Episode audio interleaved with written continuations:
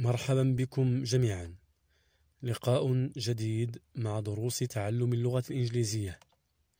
سأشارك معكم في هذا اللقاء وربما لقاءين آخرين الخطاب الشهير لدينزل واشنطن وهو أحد عمالقة هوليوود أترككم مع هذا الخطاب الرائع وستجدون نص الخطاب على مدونتي مع الترجمة العربية. لنستمع Fail big. That's right. Fail big.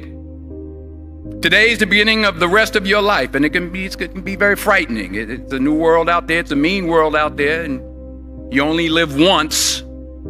So do what you feel passionate about, passionate about. Take chances professionally. Don't be afraid to fail. There's an old IQ test was nine dots, and you had to draw five lines with a pencil within these nine dots without lifting the pencil. The only way to do it was to go outside the box. So don't be afraid to go outside the box. Don't be afraid to think outside the box. Don't be afraid to fail big, to dream big. But remember, dreams without goals are just dreams. And they ultimately fuel disappointment.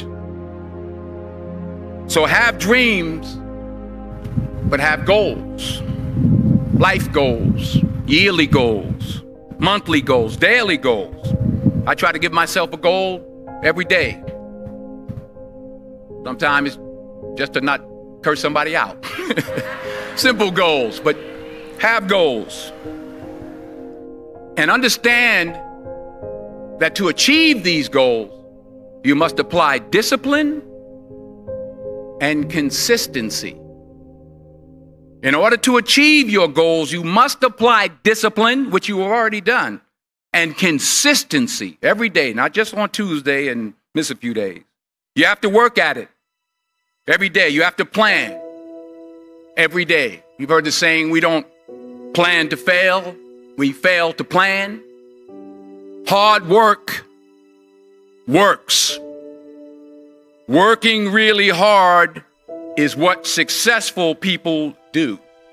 And in this text, tweet, twerk world that you've grown up in, remember, just because you're doing a lot more doesn't mean you're getting a lot more done.